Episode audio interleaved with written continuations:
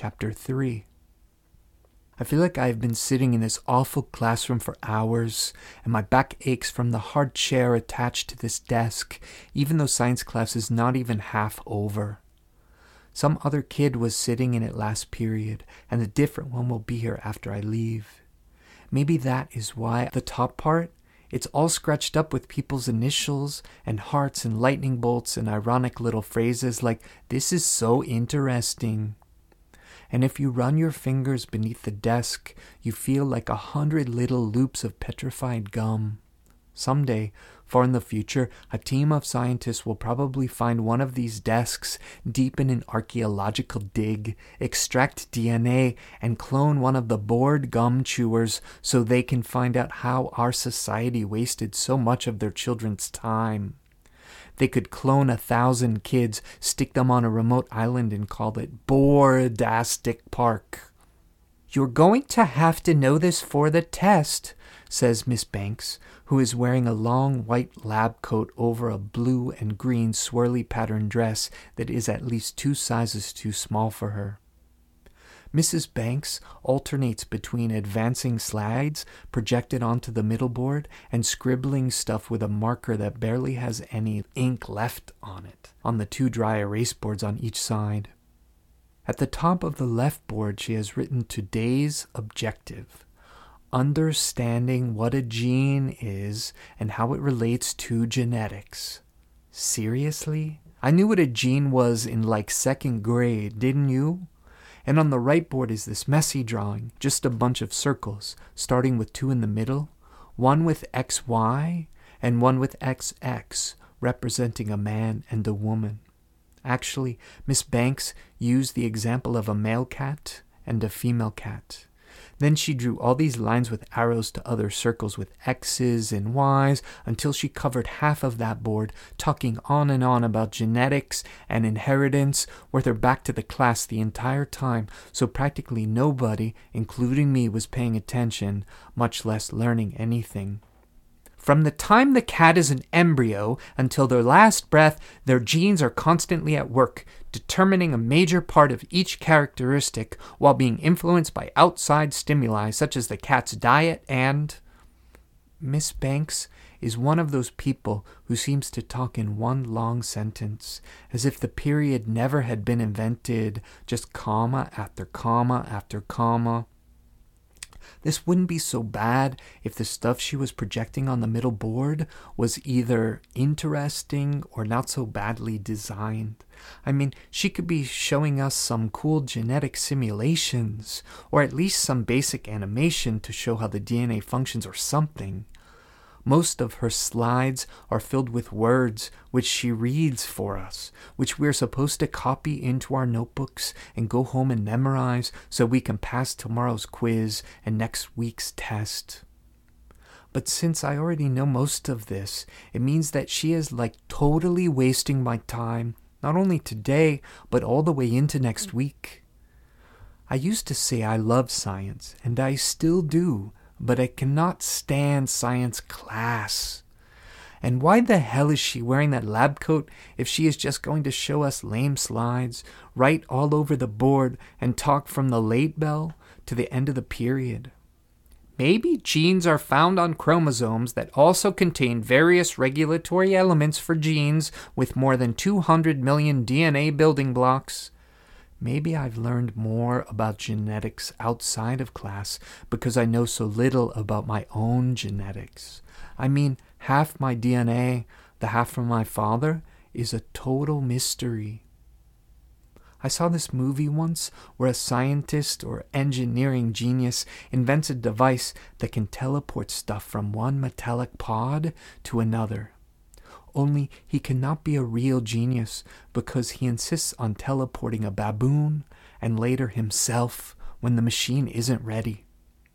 He could have become a multi billionaire and won a Nobel Prize if he had just stuck to inorganic stuff, like a rock or a pencil.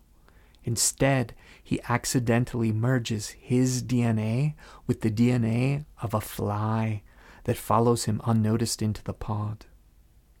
For the rest of the movie, the scientist races to find a way to separate his DNA before transforming completely into a giant fly.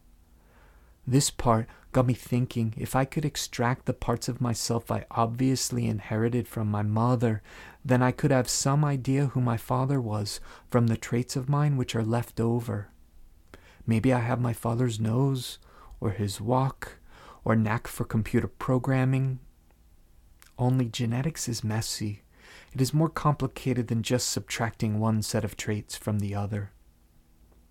If there is one thing I love about the way I look, it is my blue eyes.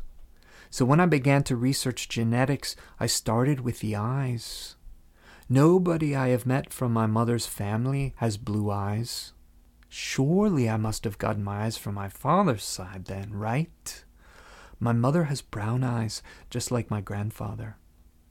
At first, I thought your eye color would just be a blend of your mother and father's color, until I learned brown and blue eyes are completely different. So you can't really be a mix if one parent has brown, like my mother, and the other has blue. Instead, you inherit genes from both parents that help determine eye color, but it's like you get a pair of dice one from each parent, with brown at least one of the options from my mother, and blue one of the options from my father. Brown is the most common eye color. More than half the people in the world have brown eyes, while blue is more rare, though not as rare as green. The rarest are violet and red.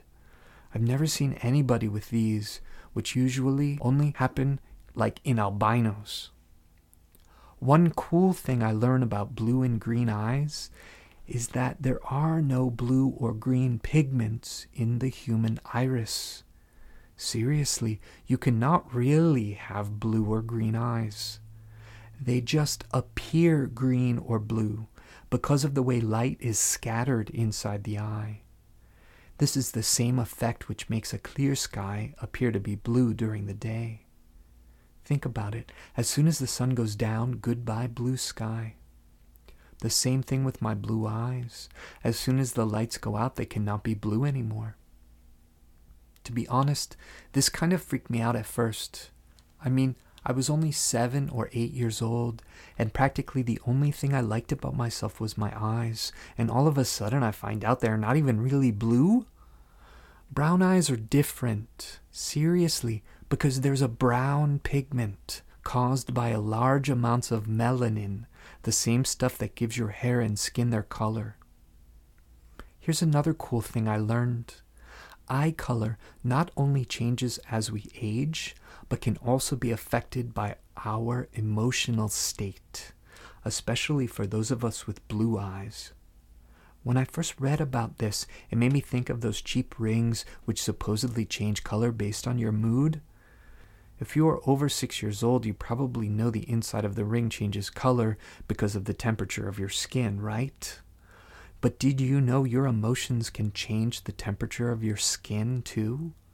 That means, technically, your mood does not affect the color of the ring, only it's not the only thing determining the temperature, and skin temperature is totally inconsistent. So I would not count on the color of a mood ring to figure out what is going on in somebody's head, or even your own. If you have lighter colored eyes like me, then the size of your pupils affects how your eye color appears, which makes sense. The cool part is emotions can affect your retinas, which help determine the color. If you get stressed out, your retinas will contract, which makes your pupils smaller and exposes the iris to more light. This does not affect brown eyes as much, but the lighter eye colors can appear quite different. And would you believe your facial expression can have the same effect? Well, as the shape of your eyes change, from the way your eyes squint in angry glare to open wide in wonder or a big smile, changes are made to the way light is reflected.